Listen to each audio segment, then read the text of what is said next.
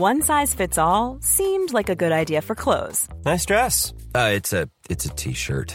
until you tried it on. Same goes for your healthcare.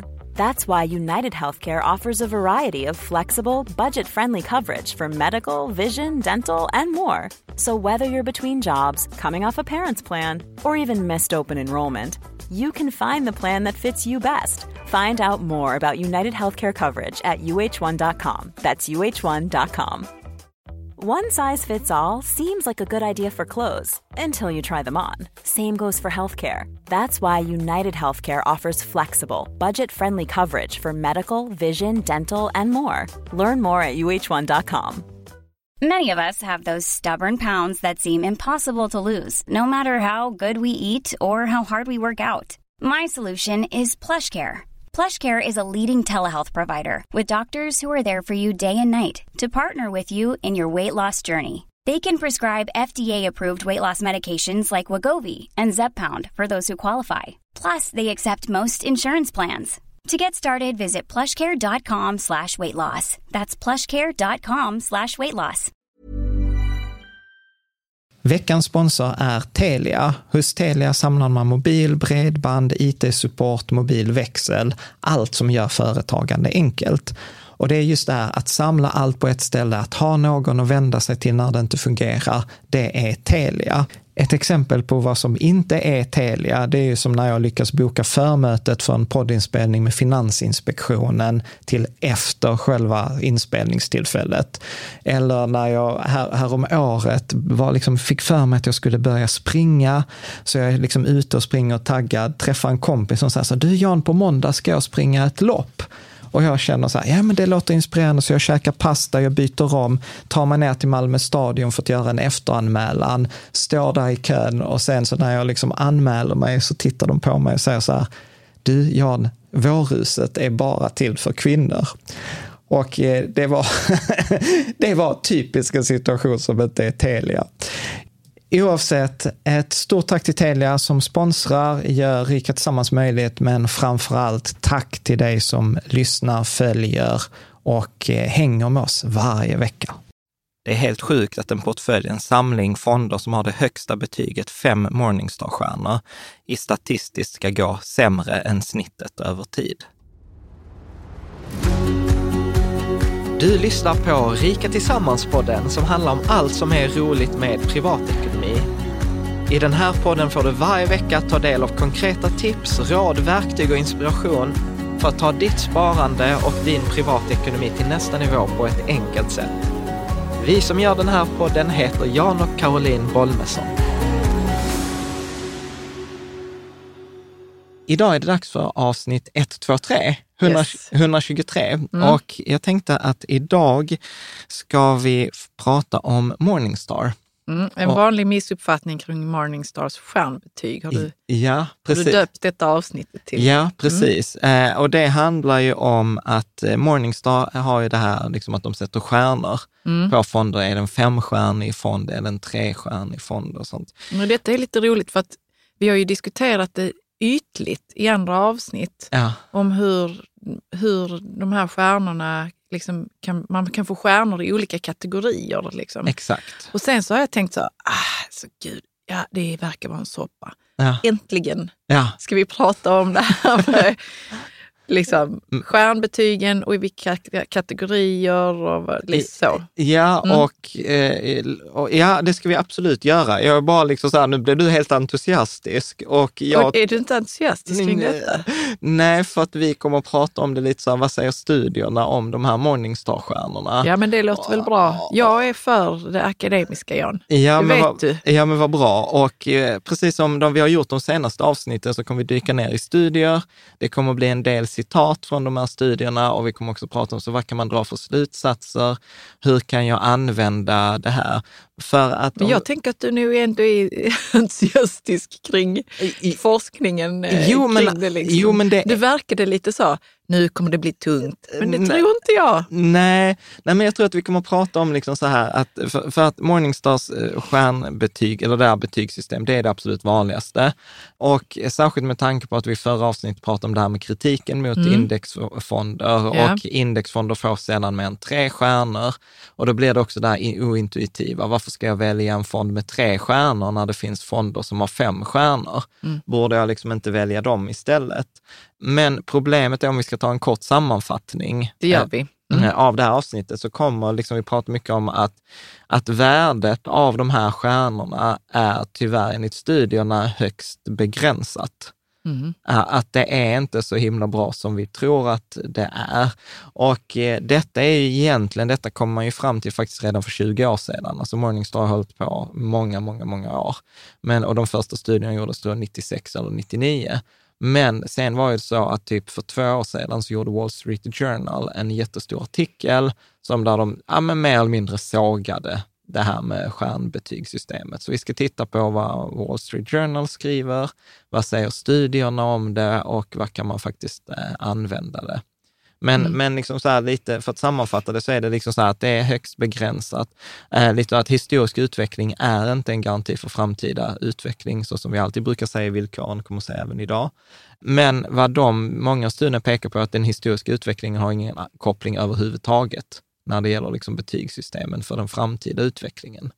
Nej, Och, och det, där, det var ju så här när du blev så entusiastisk, så bara så, åh nu blir det ett lätt sätt att välja fonder. Nej och jag, och jag, så tänkte inte jag. Jag tänkte mer som att äntligen ska det bli liksom reda i det här. För det finns ju liksom sådana här miljö eller etiska kategorier. Där kan man ha fem stjärnor, så kan man ha kanske tre i performance. Liksom. ja, ja, ja, Så, och, och det har jag tyckt har varit, varit lite jobbigt. Men nu så kommer du säga att det är ännu, värre. det är ännu värre. Men kommer du också berätta om liksom hur, man, hur man kan hitta...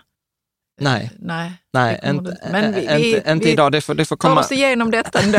ja, vi, vi kommer, ja, men lite, om jag ska, om jag ska avslöja, nu har vi ju hamnat i sidospår igen Ja, i, sammanfattning, i sammanfattningen. Men tanken är så här, nu, nu, spelar, nu är vi i oktober. Mm. Om två månader så kommer vi göra de här nya artiklarna som kan vara så här, liksom, årets bästa fonder etc. Så att denna artikeln är lite en krattning inför den artikeln som ska komma om åtta veckor. Mm. För att jag kommer bortse mer eller mindre från hur många stjärnor de olika fonderna har. För att lite, det vi kommer konstatera i dagens avsnitt är att de där stjärnorna är inte så himla väsentliga och att de faktiskt missbrukas av väldigt många, inklusive Avanza och Nordnet tänka och, och rådgivare i allmänhet och tidningar och sånt. Så att detta är väl lite ett, också ett lite så här kejsaren är naken avsnitt, Mm. eh, tyvärr. Sen är det liksom att jag kommer liksom titta, vad kan man göra istället? Absolut, men vi kommer inte gå igenom så vad ska man titta på istället för en fond? Eh, och, men men sen kan vi också säga så här att nu har vi gjort ett par avsnitt där vi verkligen har liksom eh, sjungit indexfondernas lov och vi har kritiserat lite de aktiva fonderna. Men nästa vecka så har vi ju bjudit in eh, Andreas och Henrik. Jag har bjudit in fienden. Ja, som är, som är Det är en precis, väldigt trevlig fiende. Ja, precis. Som är precis motsatsen, som förvaltar en, eh, liksom en aktiv fond som har liksom 5 000, eh, 5 000 miljoner kronor i förvaltning, som uppenbarligen har en helt annan åsikt och en helt annan strategi. Så, att jag, så jag försöker också göra att vi ska ha lite balans. Att Ja. nu har vi pratat mycket, mycket indexfonder eh, här senaste avsnitten. Så sen ska vi också försöka, liksom, okej, så vad, vad gör de som är kritiska till indexfonder? Så vad är alternativet? Så Ja. att försöka få lite. Superbra. Så att det är lite en tanke. Men Mm. eh, om vi då fortsätter. Så, Innehållet i dagens, dagens avsnitt Ja, precis. fortsätter vi med. Eh, och då kan man ju säga att till exempel avgift, titta på avgifterna, kommer ihåg vi alltid tjatar så här, billiga fonder, låga avgifter. Eh, låga avgifter är en mycket bättre faktor att titta på än antalet stjärnor. Ja. finns det studier som gjorde att de säger så att de som tittar på avgifterna och väljer utifrån låga avgifter istället för antalet stjärnor Mm. gör ett mycket bättre val än de som bara tittar på antalet stjärnor. Mm. Vilket också är så superintressant. Och sen är det också så här att vi kommer att prata om att skillnad, så vad är skillnaden mellan att ha en stjärna och fem stjärnor? Alltså hur Ja. stor är liksom differensen? För man tycker att det låter som en sjukt stor skillnad. Så då ska vi titta på Verkligen. hur stor är den skillnaden de facto. Mm. Och sen en väldigt intressant slutsats var att alltså, hälften av alla fonder blir aldrig tonåringar. Vad betyder det egentligen att de inte blir Att de, tonåringar? att de flesta fonder inom en, fem, 15-årsperiod, mer än hälf, ja, nästan hälften av alla fonder avvecklas, alltså dör, inom en 15-årsperiod. Mm. Så att, eh, jag, visst, jag vet om att fonder liksom slutar finnas, men jag visste inte att det var hälften av alla fonder på en 15-årsperiod. Vilket Nej. är också lite sjukt faktiskt. Nej, det är ju intressant varför det blir så. Ja, så du vet, så sätter man pengarna i en fond så har du en 50-50 chans att om 15 år finns inte den fonden. Vilket också är liksom så ganska allvarligt när vi pratar så här långsiktigt sparligt pension. Ja, för det kan ju, ja, precis. Det kan ju vara längre än 15 år. ja, Men då kommer du också prata om vad som händer med pengarna då, när de inte finns längre i fonden. ja, ja. Pengarna försvinner. Nej, det hade jag inte tänkt. Nej, men Nej. de försvinner inte, men oftast vad som händer är att fonden slås ihop med en annan fond eller den går upp i en annan, så en annan fond Mm. Ja, ja. bara slukar den. Så man blir inte av, för att en fond Men dör. det är inte något aktivt val man har gjort, utan det Nej. bara händer något annat med Ja, ens pengar. det kan hända, alltså att fond, om fonden varit riktigt, riktigt dålig och förlorat dina pengar. Det har ju hänt, men Mm. det är ovanligt. Eh, utan det är snarare så att man säger så att nej, men vi får ingen lönsamhet i den här fonden, så vi säljer. Så man avvecklar den innan det liksom har Ja, gått ja, superdåligt. Ja, ja precis. Och sen är det också så att en, fonder som får en stjärna är mer eller mindre dödsdömda. Så det kommer vi också titta på, att väldigt många fonder då likvideras och att, liksom att den här hela Morningstar-grejen, för det är ingen som vill köpa en enstjärnig fond. Så att där snabbar ju de här betygssystemen också på att fonderna dör Och du säger att stjärnorna ändå inte har så mycket att göra med... med hur det kommer gå framåt. Nej. Ja, vi, vi kommer Ja, titta vi på tittar några... närmare på det om vi- en stund. Ja, vi kommer Mm. titta på några sannolikheter som är lite, lite, jag fick några sådana what the fuck moments. Alltså när Ja, jag och det vill vi att research. ni också ska få, Ja, Ja. precis. Så att, det, ja, så, att, Mm. eh, så att nu när vi kör igång, eftersom vi återigen, detta har jag gjort sjukt mycket research till det här avsnittet. Jag har, eh, liksom, precis som vanligt är det viktigt att säga att detta är liksom inte finansiell rådgivning eller personlig rådgivning, utan detta är en allmän information. Idag är det superviktigt att säga att historisk avkastning inte är en garanti för framtida avkastning. Mm. Och i alla typer av eh, sparande investeringar så kan man liksom förlora pengar. Det finns liksom inga garantier. Och det här avsnittet, jag tror jag har använt ja, men utan 30-40 källor. Eh, liksom. Så att alla de finns Grattis på till dig, bloggen. Jan. Det är bra. Ja, men det, Det är gediget. Ja, men jag kan ibland Eller säga, ja, jag kan, jag kan ibland säga att jag funderar så här, fan, är, är det rimligt att vi ska göra ett avsnitt i veckan när, när det är liksom åtta timmars Nej, research? det kan man undra också, men du gör ju det så att du får ju stå Ja. för detta. ja. Men i alla fall, så avsnittet så bygger på information. Alla källorna finns på bloggen. Jag bryr Mm. mig inte om att ta alla av, här på podden eller i, i, på YouTube-avsnittet. Nej, Men man allt får finns. på Man får gå bloggen. Mm. in på bloggen då, riketsammans.se, leta upp avsnittet och där finns länkar till allting. Så att jag brukar säga att jag, jag har bedömt eh, källorna som trovärdiga, men jag kan inte garantera dem. Jag går sällan liksom och kollar källornas källa, utan jag gör det bara när jag tycker att det är så här, oh, detta lät spännande. Då brukar jag försöka kolla upp det. Ja. Jag går till ursprungskällan. Du Ja, bara titta så här Klart man kollar källans källa liksom. Nej, det är okej, inte nej, klart. Men gör inte det då. Inte, jag, hade inte, inte, i tagit en, mer än tio timmar att göra detta avsnitt. Caroline, inte i en podd som man levererar varje vecka. Nej. Eh, bra. Så vill man läsa mer så riketsammans.se snedstreck eh, villkor. Mm. Bra. Så att om vi börjar med det då, så hur fungerar eh, de här Morningstar-betyget? Och då är det så att en fond är ju en samling aktier, alltså en samling företag. Och eh, det är ju väldigt olika, till exempel småbolag tenderar ju att i goda tider utvecklas mycket bättre än mogna bolag som liksom redan är, liksom, har verkat i 30 år och listat ut det mesta och är i en förvaltningsfas. Så därför säger man så att det är orimligt att eh, jämföra liksom stora mogna bolag med små snabbväxande bolag. Eller det är inte rimligt att jämföra svenska bolag med indiska bolag. Så man försöker kategorisera dem. Ja. Och, och oftast kategoriserar man eh, då fonderna beroende på vilken storlek av bolag de eh, investerar i. Och då är det ofta små, medel och stora eh, bolag.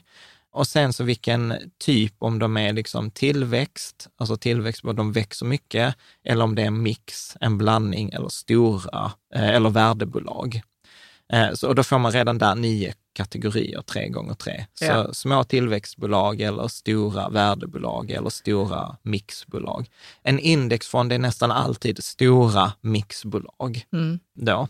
Och sen delar man ofta upp det i region eh, också. Så att man- Vadå, alltså i världen? Eh, Ja, eh, Nordamerika, Europa, eh, BRIC-länder, Brasilien, Ryssland, Indien, Kina Mm. eller Japan, eh, etc. som man tar ofta per region.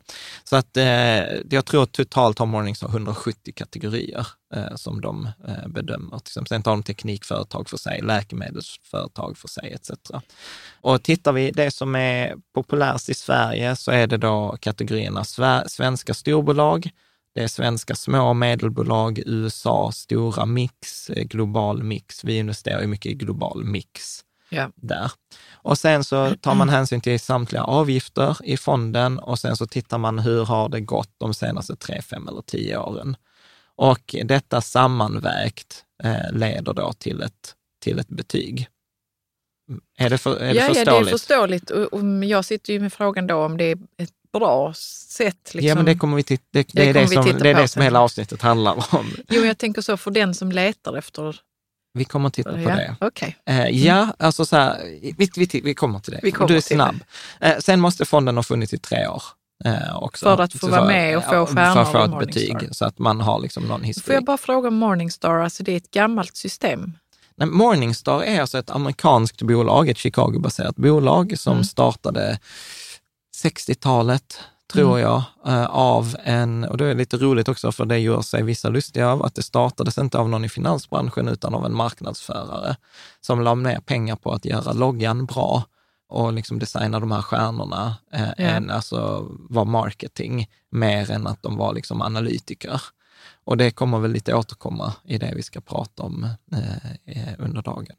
Men finns det någon, eh, något annat man kan använda Nej. istället? Nej, finns inte det. Nej. För Morningstar är regerande. Liksom. Och överlägset störst. Ja. Liksom. Och det är bara för att de är störst som Ja. de är störst. Ja, lite Ja. så. Mm. Ja. Och om vi då tar det sista, så de tittar på kategori, storlek, region, de tittar på avgifter, de tittar på avkastning och det ska vara äldre än tre år. Mm.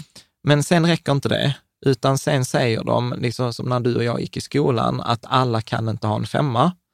Eh, Du Liksom, sa det ja. ja, precis. Alla kan inte ha en femma, utan visst, så eh, vissa måste få sämre betyg. Ja, så Mm. var, var alla duktiga i en klass så spelar det ju ingen roll att, liksom, för det var, var, de, det var bara de 10, bäst, 10 procenten bästa kanske som fick Mm. en femma, för de Mm. andra fick en fyra, Mm. även om det var bättre än femmor i en annan klass. Ja. Eh, och så är det med Morningstar också, att de säger så här, att de 10 procent bästa i sin kategori, de får fem stjärnor. De eh, 22 procent bästa, alltså efter de 10 procenten, får en fyra. 35 procent av alla fonder får en trea, så att det blir en sån här normal fördelning. Så du har 10 procent, de 10 procent sämsta får en etta, de 10 procent bästa får en eh, femma. Mm. De 22 procent näst sämsta får en tvåa, de 25 näst bästa får en fyra och Yes. sen i mitten så blir det en, en trea. Mm. Hänger du med på det? Yes. Bra. Och detta, de här betygen används ju överallt. Här har jag liksom eh, tagit fram bild på eh, Avanza. Ja, för er som tittar ja, så kan man Avanza. titta på Avanza. Så när Mm. du går in på en fond på Avanza, väldigt tydligt så står det så här, Morningstars fondbetyg, fyra av fem eh, Mm, I högerkolumnen där. Ja, Mm. fyra skärm. Går man in på Nordnet syns det nästan ännu tydligare. Då är det det första du ser under titeln. Så står där liksom... Ja, uppe till vänster. Ja, liksom. så står det Mm. antalet Morningstar-stjärnor. Och detta är också så här smart av Morningstar, för de ger ut detta gratis. Detta är gratis information eh, som de ger ut eh, liksom till alla. Så att eh, liksom i, i brist på liksom kunskap eller tid och erfarenhet så används ju de här Morningstar-stjärnorna som en kvalitetsstämpel. Mm. Eller hur? Mm. Och, och där ska ju vi, eller jag, vara den första att skriva under på att i våra sammanställningar av bästa fonderna så har vi ju använt detta som ett kriterium och vi har tagit med det i alla listorna. Det är ju inte det enda vi har tittat på. Nej, det är Nej. det inte. Men det har varit en absolut, det har varit jobbigt för mig att sätta upp en fond med tre stjärnor, för då har jag känt att jag behöver förklara och ett undantag och sånt. Men jag funderar på att till, till nästa år så kommer jag stryka detta som ett kriterium överhuvudtaget Mm. faktiskt. Eh, sen används det mycket som ett lite så här cover my ass. Eh, Hur då menar du? Nej, men att om jag sitter som en finansiell rådgivare Mm. så kan jag säga så här, titta men din fond har fem stjärnor, detta är en bra fond och då behöver inte jag ta ansvar för det. Utan då kan jag sen skylla på Morningstar. Men titta, vi valde en fond som hade fem stjärnor. Jag kunde inte veta att den skulle gå ner eller att den skulle bli dålig. Nej. Och Avanza har till exempel något som jag egentligen gillar. De har ju den här portföljgeneratorn och den bygger egentligen, den väljer nästan bara ut fonder som har fem stjärnor.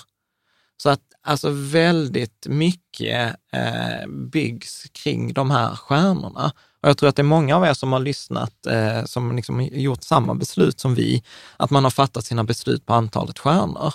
Och det är många som säger till mig så här, ja men eh, varför inte bara ha en portfölj? Jag väljer bara portfölj med fem stjärnor.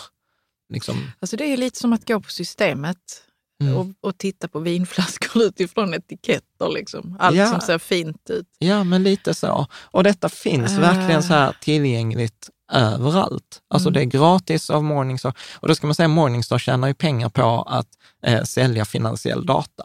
Mm. Så att de använder ju detta för att bygga kredibilitet för sin andra grej. Så alla känner ju till Morningstar. Vad är det för en annan grej de har då? Ja, men de säljer data. Eh, så till exempel nu, Data, alltså information om... Ja, men till exempel som nu, vi, vi håller på att bygga en sån här app eh, som ska ta över efter smartbudget, man ska kunna följa upp sin ekonomi, man ska kunna Mm. följa upp sina tillgångar. Och då vill jag till exempel ha data, så här, hur har fonderna utvecklats? Vilken Ja. region investerar de i? Vad är avgifterna? Och då säger Morningstar så här, ja, men du kan få köpa den datan av mig eh, eller av oss. Du vet, och det kostar mellan 50 och 100 000 kronor per år. Så nästan alla fondbolag köper ju in denna datan för att kunna visa den på sin hemsida, på sin fond. Jag tror att de har 250 000 kunder som köper den här datan. Det går bra för. Det går För bra för Morningstar. Morningstar. Så att det är också så här, hur tjänar de pengar? Problemet är att om vi nu har tagit fram här en bild på Amazon, Mm. Eh, och jag kunde egentligen tagit precis vad som helst. Från Amazons eh, hemsida, inte på Amazon-aktien då. Alltså. Nej, precis, utan eh, på mobiltelefonfodral, för tydligen är det det jag var inne på senast på Amazon. Ja. Eh, och överallt så ser man ju de här stjärnorna, eller hur? Jag måste titta här. Ja. Alltså varenda produkt har ju så här hur många stjärnor, Ja, Den ja, ja produkten. av, av fem. Liksom. Eller hur? Mm. Ja. Och då resonerar ju de flesta, och hotell har ju också stjärnor, och Airbnb och stjärnor, Uber, alltså alla har det här. Alla ett- använder stjärnsystemet. Ja, liksom. alltså ett Mm. betygssystem 1 till 5, eller hur? Mm. Och då drar vi slutsatsen att något som har fem stjärnor är ju bättre än något som har tre stjärnor. Mm. Eller hur? Mm. Det är en ganska rimlig slutsats. Problemet då när vi börjar titta på stjärnor är att alla stjärnor är inte skapta lika. Nej. För att eh, ofta tittar vi på eh, liksom, eh, hur, hur bra något är. Och jag har egentligen inget emot att vi använder ett betygssystem. För det har ju forskning också, kommer jag ihåg när vi gjorde avsnitt 116, kommer du ihåg den studien de gjorde med kvinnor som skulle speeddejta? Nej, jag kommer inte ihåg. Kan du inte bara ta det Jo, snabbt? Jo, men det var ju det så här att eh, kvinnor som ska speeddejta, så hälften av kvinnorna fick en sån biografi, CV, liksom så här mycket På- på information. de och- som de skulle speeddejta. Ja. Mm. Och sen, så, och, och sen så den andra kontrollgruppen, de fick bara reda på så här, den här mannen har fått så här många stjärnor av de föregående eh, liksom, eh, som har speeddejtat honom.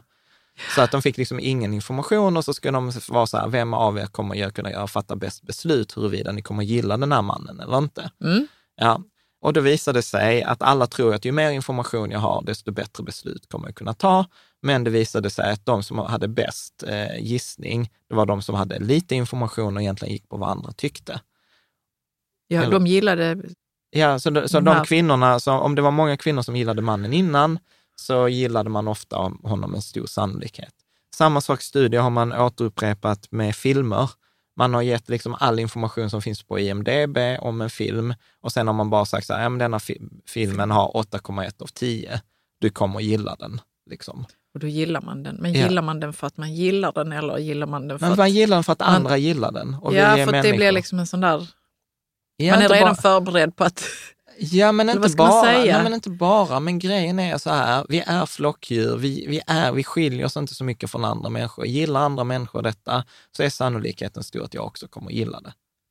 Med? Det är inte svårare. Mm. Ja, jag bara satt och funderade på var, var gillandet kommer ifrån. Men skitsamma. Ja, men det spelar ingen roll. Det är Nej. bara liksom så här människa. Mm. Mm. Eh, Så att jag har egentligen inte så mycket emot det här betygssystemet. Jag själv är ju så här, om jag köper någonting, jag kollar alltid recensionerna, jag kollar vad andra skriver. Men problemet är då att stjärnor som fondbetyg och stjärnor på ett mobiltelefonskal eller en stekpanna eller en annan produkt skiljer sig åt väsentligt.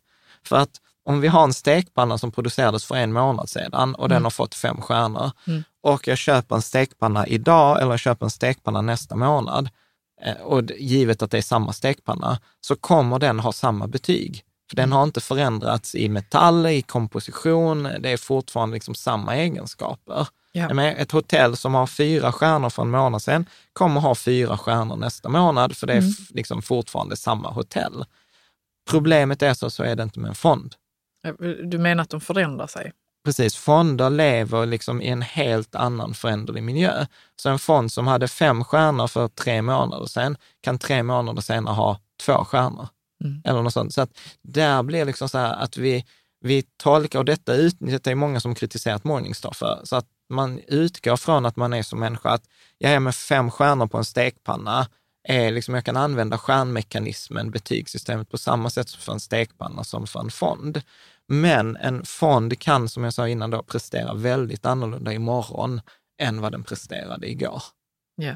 Och alla stjärnor är ju är då baserade på hur det har gått bara. Ja, Mm. precis. Och om vi då tittar på den här Morningstar, eh, eller förlåt, den här Wall Street Journal-artikeln som kom då 20, 25 oktober 2017, så skrev, så, som hette Morningstar Mirage, Mirage är ju, eh, betyder väl... synvilla. Ja, precis. synvilla. Så att, eh, kan inte du läsa, detta är då utdrag från deras eh, Mm. artikel. Och äntligen får jag läsa engelska igen. Ja, du börjar Okej. bli bra på detta älskling. Morningstar gives funds one to five stars for past performance, with five the best. Many investors treat the stars as guide to future performance, but over time the performance of funds with different initial star ratings converges. Mm. Kan du berätta vad det Ja, betyder? så, så vad betyder detta? Jo, så de säger så här, Morningstar sätter betyg 1 till 5 stjärnor baserat på past performance. Ja. Så att redan där är det så att Morningstar själva, jag kommer citera dem senare i avsnittet, eh, säger inte att detta är något indikativt för framtida avkastning, vi berättar bara hur det har gått. ja, så du, de säger inte det, nej. Morningstar. Jo, Ja, de säger det. de säger Okej. bara så här, det är bara indikativt, alltså det, det är inte indikativt för framtiden, Nej. utan vi berättar bara hur det har gått. Yes. Men utifrån så som vi har pratat om stjärnor hittills, så är det ingen som använder så här, nej men jag vill titta vilken fond som har varit bäst igår. Och, utan då använder vi så här, var den bäst igår så kommer den vara bäst imorgon. Ja, vi drar Vi- slutsatsen att Eller hur? det Vi gör går in i, i framtiden. Ja, liksom. eller hur? Var stekpannan bra igår? Är detta en bra stek så är det en bra stekpanna imorgon. Mm. Eh, liksom. så, där. Och så säger de så här, fem stjärnor är det bästa, ett är den sämsta. Mm, eh, och sen skriver de så, men investors använder stjärnorna som en guide till framtida avkastning. Precis det som vi sa nu. De flesta av oss använder ju det för att göra ett antagande om framtiden. Mm. Men då säger de så här, But over time, the performance of funds with different initial stars ratings converges. Och så har vi jag på bloggen, eller som den bilden som de har ritat upp. Mm. Och så säger de så här, att en fond som har fem stjärnor idag, över en tioårsperiod, i genomsnitt kommer att sluta på, Nästan samma som en fond som har ett. nej, idag. den kommer gå till tre stjärnor. Så en Jaha. genomsnittlig eh, fond som har fem stjärnor kommer över en tioårsperiod tappa två stjärnor och bli en trea. Okej, En fond som har en stjärna kommer över tid att eh, då öka till två stjärnor. En fond som har tre stjärnor kommer över tid ha 2,8 stjärnor. En fond så det är har... liksom betygen. de går, de de går samman inte, de går ungefär. samman. Ja. Mm. Och det är inte, egentligen inte heller så konstigt, kommer vi prata om sen, för det handlar ju om så här att eh, det är jättesvårt att slå marknaden och marknaden är genomsnittet, alltså kommer alla gå mot genomsnittet över tid. Mm. Men det som är intressant här är ju att en femma blir sämre över tid, medan en etta blir bättre över tid. Och det är ju inte direkt det som man tänker på när man ser de här fondbetygen, att en etta kan relativt sett vara en bättre än en femma. Mm. För vi tittar bara på historisk eh, avkastning. Ja. Häng, hänger du med på Ja, detta? jag hänger med. Ja. Du blev inte förbannad eller? Nej. Jag blev Nej, här, jag blev inte förbannad. Jag blev inte förbannad så mycket nu. De senaste dagarna har jag inte varit så förbannad Okej, för saker. ja men okej, vad bra. Eh, så jag hetsar inte upp mig över detta, men jag kan tänka mig att man kan bli jättearg, för man har ju valt de bästa fonderna tycker man. Och Ja. då ska de ju gå jättebra. Ja, och då fortsatte de och eh, då om vi tittar vidare. Så detta är då, eh, du kan läsa vad de skriver först. Uh, of funds with a five star rating, three years later only 14% had performed at a five star level. Mm, Mm. Precis. Så vad Wall Street Journal gjorde var att de tittade på att om en fond börjar med eh, fem stjärnor, vad är då sannolikheten att den över en eh, period, en tre, fem eller tioårsperiod, har kvar sina fem stjärnor? Mm. Och då konstaterar de att det är bara var tionde femstjärnig fond, alltså 14 procent av alla femstjärniga fonder, som efter tre år behåller sina fem stjärnor. Så Ja. 86 procent av alla fonder, femstjärniga fonder, blir av med sina fem stjärnor efter, eller sin femte stjärna kanske. Ja. Eh, då. Och eh, då gjorde då eh, Wall Street Journal publicerade då en tabell där man till exempel kunde säga att en fond som börjar med fem stjärnor efter då en tioårsperiod eh, har då med 14 procent behållit den, 21 procent av fonderna har fått fyra stjärnor, 22 procent har fått tre stjärnor och eh, var tionde fond, alltså lika många som har behållit sin stjärna, har blivit då eh, merged, alltså gått ihop med en annan fond eller likviderats. Och denna tabellen publicerar jag på bloggen som man kan kolla.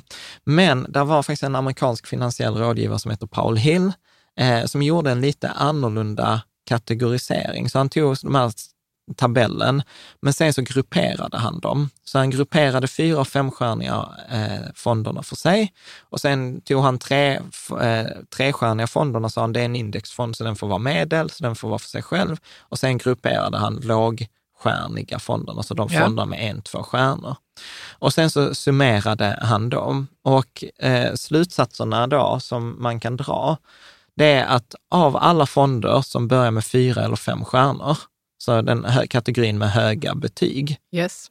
så efter en tioårsperiod så har då bara en tredjedel, alltså 27 till 35 procent, behållit sina stjärnor. Mm. Så mer än hälften av alla fyra femstjärniga går då till en trestjärnig eh, fond. 22 till 25 procent då beter sig som en trestjärnig fond, alltså som en indexfond, Ja. fast med helt andra avgifter. Mm. För avgifterna är oftast mycket högre. Och eh, 43 till 52 procent har blivit enstjärniga fonder eller har likviderats. Vänta, vad sa du? 43 till 52 52 procent har blivit en till tvåstjärniga, Eller likviderats. Vil- Känns det som att det är lite chockerande? Ja, det, det är detta jag menar. Alltså detta är ju liksom så här, förstår du att detta liksom, detta Nu blev... tänker du så, äntligen blev hon Äntligen blev hon upprörd.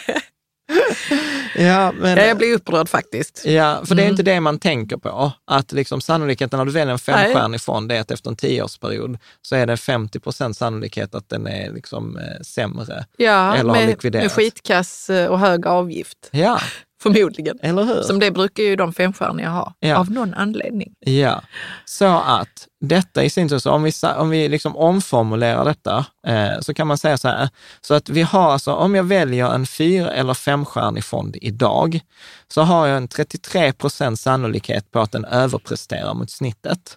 Mm. Alltså att den går bättre än En en index. indexfond Mm. eller liksom bättre än marknaden. Men jag har en sannolikhet på över 50 procent på en underprestation. Mm. Så det är liksom inte ens 50-50, utan jag har liksom negativa liksom odds. Så att... och jag känner bara hur jag vill liksom så här, vända mig bort från den här informationen. ja, Man, man tar till så lite flyktbeteende och så börjar jag tänka på annat för det är jobbigt att, att ta till sig. eller hur? Att Och, det är så låga odds för Ja. en liksom, när man har valt så de bästa fonderna. Liksom. eller hur? Paul, han, Paul Hill, han skriver det, han skriver det liksom, ja, du kan, här har jag faktiskt översatt detta för detta är så viktigt. Okej, Så, så här skriver han. nu, så här skriver han. svensk översättning. Ja. Givet sannolikhet på 33 procent för att slå index och 50 procent att underprestera kan vi dra slutsatsen att en portfölj bestående av femstjärniga fonder bör ha en förväntad underprestation mot index. över en tioårsperiod. Så en portfölj med fem stjärniga fonder ska statistiskt underprestera mot index över Jo, en det gör de väl tioårsperiod. också. Detta är inte... Ja, det visar ju, det är alltså liksom här, inte siffrorna, hittepå, siffrorna utan det visar ju är det. väl så det blir liksom. Ja, Men grejen är den också att man kan ju, eh, man kan ju välja de här femstjärniga fonderna och liksom Ja. ha dem under en lång period. ja. Och sen så ska man ju egentligen vara ganska så intresserad av sitt innehav för att komma ihåg att de en gång i tiden var femstjärniga när man valde dem. Mm. Liksom för att sen så, det kan ju gå Precis, ganska men- lång tid innan man så märker att det inte går så jävla bra i portföljen. ja, Alltså tio år är en lång tid. Liksom. Ja. Fem år också. ja. Men myten är ju här, alltså att, att om jag bara är intresserad så kan jag välja och välja ut. Men det är därför vi också... Byta menar du? Ja, liksom? och det, och det Mm. funkar ju inte. Men det var, jag säger att det inte funkar. Men det är också därför vi har bjudit hit Andreas och Henrik, för att de säger att det funkar. Men det intressanta då är ju att höra också så här, hur jobbar de? Men de verkar ha en annan approach. Absolut. De går ju inte riktigt på stjärnorna där. Nej, nej, de, nej, gud nej. Gud Nej. nej. Eh, utan, men, De men, gör ju ett helt annat arbete för att Ja. hitta de bästa eh, företag. aktierna. Ja, För, ja. ja. precis. Så, så, att, nej, så att jag tror inte så här att ursäkten är om jag bara är intresserad så kommer jag ha- bättre resultat. Nej, då skulle jag säga så här, lyssna på nästa veckas avsnitt för att se vad som Mm. krävs. Och var med och vet att någon, när någon säger så här, välj bara de femstjärniga fonderna, så bara liksom spring därifrån. Eller säg, säg precis detta, för detta är, detta är en helt sjuk mening. Att en portfölj med femstjärniga fonder ska statistiskt underprestera mot index över en tioårsperiod. För Ja, det- det index tänk- är ju medel då. Ja, och Mm. detta tänker inte de flesta, utan skulle vi gå och ställa en fråga där ute, om jag väljer en eh, fem, fem du vet vad? Jag ska, Nu kommer det något spännande, I can tell. Ja, fast för folk kommer ju fatta att det är en kuggfråga. Jag funderar på att jag skulle Okej. sätta ut en, en sån här fråga.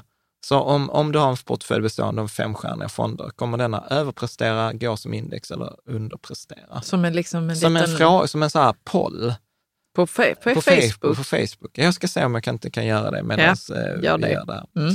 Ja, så att, att ta med sig en portfölj med femstjärniga fonder ska statistiskt underprestera mot index. Liksom suck it up. Bra. Bra. Ska vi fortsätta? Nu det var, fortsätter det var lite lilla. känns lite tungt just nu. Lite Men visst, då- vi fortsätter. stämning. Dålig stämning, ja. Bra. Och sen är det ju så, jag, jag gillar ju att titta på andra källor och då finns det ett bolag som jag gillar jättemycket, nästan lika mycket som Vanguard, som heter Dimensional. Det är Eugene Fama, han som Nobelpristagaren, eh, som, som har startat det tillsammans med French och några andra. Problemet är att man kommer inte åt deras fonder, men de gör sjukt bra research. Vadå, man kommer inte åt deras Nej. fonder? Hur, hur kommer man åt dem? Nej, man kommer inte åt dem.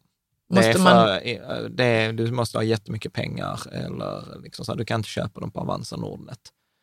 Nej. Det vi kan prata om det är ett annat avsnitt. Jag jobbar på ett sätt hur man ska kunna komma åt dem som sparar i Sverige, men jag är inte ens Får nära. vi bara fråga vad det är för typ av fonder Det då, är, som man inte eh, kan komma åt om man inte har jättemycket pengar? Det är fonder som är i princip som indexfonder med en viss tiltning mot, eh, för de säger så här, de heter dimensional för att de säger att vissa dimensioner går bättre, till exempel lönsamma bolag går bättre än olönsamma.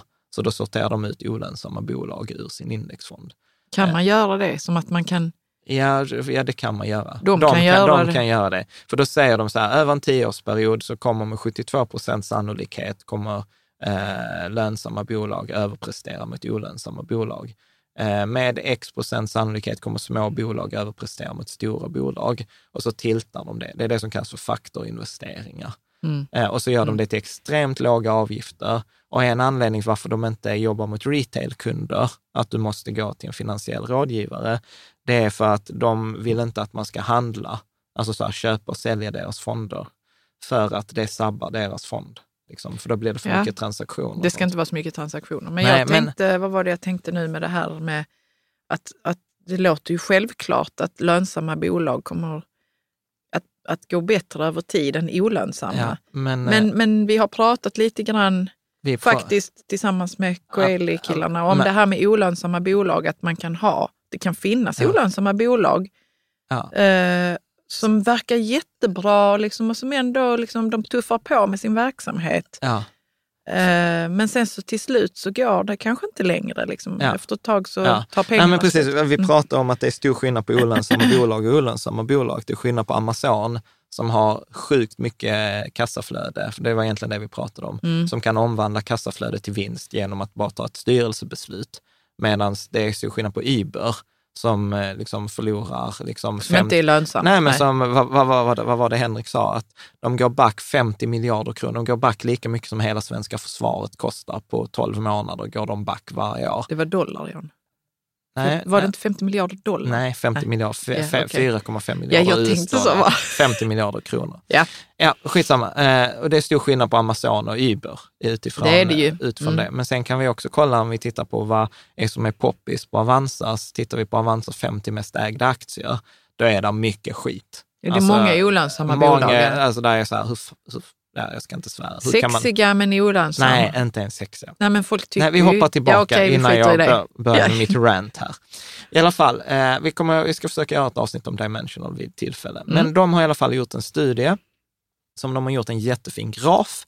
Eh, så denna måste man faktiskt nästan kolla på, på på bloggen. Men då har de tagit alltså de här fonderna som har då eh, en etta eh, och en femma. Liksom, alltså de har tagit alla fonderna som har olika betyg. Är du med? Ja. Och sen har de då kategoriserat dem och färglagt dem i olika färger. Och sen så har de då plottat ut alla fonderna, vad de har haft för avkastning eh, i perioden efter att de har fått det här betyget.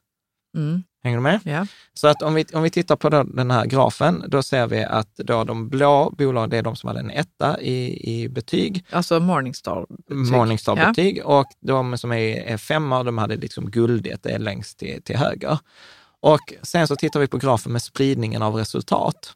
Och då kan man ju tycka att om Morningstar hade funkat som ett predik, alltså som ett betyg på vilken avkastning kommer att ha i framtiden, så borde ju de femstjärniga fonderna ha en betydligt bättre avkastning än de enstjärniga fonderna Ja. och de trestjärniga fonderna borde ligga i mitten. Så att grafen borde se ut som en trappa. Mm. Eller hur? Mm. Borde vara logiskt. Om du beskriver för den som bara tittar, hur ser den här grafen, den nedre ut? Ser det ut som en trappa? Nej, det är som ett streck. Som ett rakt streck? Mm. Så att det är liksom inget eh, liksom substans i att en enstjärnig fond skulle ha en sämre eh, betyg eller en sämre spridning än en femstjärnig fond. Mm. Och detta var ju liksom så lite spiken i, i, i kistan. På det. Sen är det ju så, jag kommer ta repliken från Morningstar, för de Ja, protesterar, höra. för de protesterar ju mot det här. Mm. För de säger så, nej men det är större sannolikhet igen för att mer enstjärniga fonder likvideras och, och så säger de så här, ja du har 40 procent större sannolikhet om du använder vår, eh, vårt betygssystem. Men för mig blir det så här, det är ju ett snedvrida statistik. För då säger de så här att slumpmässigt så är det ju en av tio, så om det är bara 10 procent av alla fonder som får fem stjärnor, så är det ju 10 procent. Eller hur? Och då säger de så här, ja men med Morningstar, kommer du ihåg hur många fonder som behöll sina fem stjärnor över en Ja, det var tioårsperiod? 14 procent. Ja, och då säger de så här, ja du har 40 procents bättre sannolikhet. Ja, vi går från 10 procent till 14 procent. Alltså, för mig är det att, Ja, att, det är ju att snedvrida att statistik. snedvrida statistik. För 40 procent låter som sjukt mycket Så bättre. då kan man leva med sig själv när man gör så. Med, Medan ökningen är 10 till 14 procent. Det är fortfarande 86 procent eh, som skur. Mm. Så, att, eh, så att detta var en sån här lite, eh, nej det stämmer, eh, det stämmer inte. Det, det är Dimensionals. liksom- ja, Dimensionals visar detta väldigt illustrativt i den här. Jag blev jätteglad när jag hittade den här grafen. Ja. Så här, man kan bli glad så här, när man sitter själv på kvällen. Bara, Åh, titta vilken graf! Nej, men grejen är att man blir ju också nöjd när man kan få någon annan som har sett samma sak. Ja, liksom, och som har gjort researchen. Ja, Och, som har och, gjort- och, och, ska man säga någonting om de där på Dimensional, det är lite som Bridgewater, som den där hedge Alltså de är så här sjukt smarta. Alltså de enda jag har varit i kontakt med Dimensional, typ alla är så här PhDs. Ja, Eh, det är, då är man smart. Ja, då är man smart. Man är lite smartare. För Sjukt som, lite smartare. för dig som då lyssnar på det här så har kanske en PhD och ja, inte och inte jag. ekonomi då, Nej, och du har utan eh, mycket. Ja, och sen, kan jag berätta, sen, sen kan jag berätta att de som har PhD har ett tre, fyra gånger så stort diplom än vi som bara har Ja, vanlig det stämmer. Det universitetsexamen. stämmer. Ja, ditt är lite mindre än mitt. Kan vi fortsätta nu? Det var du som tog upp det. Okej. Ja. Eh, bra. Eh, så tar vi nästa grej. Så Dimensional, vi fortsätter på lite på deras forskning. Och detta var mest en sån här sidospår som jag tyckte var intressant. Så då visar de en graf att eh, över en eh, 15-årsperiod, mellan 2002 och 2016, så tittar de på hur många aktiefonder fanns det. Så nu, nu skiter vi i detta med betyg. Så då sa de så här, 2002 så fanns det 2587 aktiefonder Ja. i USA. Då 14 år senare, 2016, så hade alltså 52 procent av de här fonderna likviderats eller gått ihop med andra. Så 52 procent Mm. av alla aktiefonder över en 15 års, eller över en 14-årsperiod försvann. Ja. För mig är det helt sjukt. Alltså jag, jag vet inte, vad, vad tänker du? ja, men jag är ju inte så insatt som du i, i allt det här kring ekonomi. Ja. Men Tänk att varannan fond Ja, försvinner på ja, en jag 15 förstår, men jag, tänk, jag översätter det till att tänk om jag hade haft pengar i de här och sen hade det skett massa grejer som inte jag alls har valt för mina pengar. Ja. Då Ja, så tänker inte jag ens. skulle jag blivit arg. Jaså, Vad skönt, för jag tänkte så här, fan vad folk är kassa. och du tänker, vad händer med mina pengar? Ja, Ja, nej men det, ja, det, det är en mycket mer relevant fråga faktiskt. men, Men vi kan ju ta det. Det som händer med, om inte fonden har brutit mot regler och, och liksom så här, så är det så, ja du har förlorat pengar, men du har inte förlorat alla dina pengar.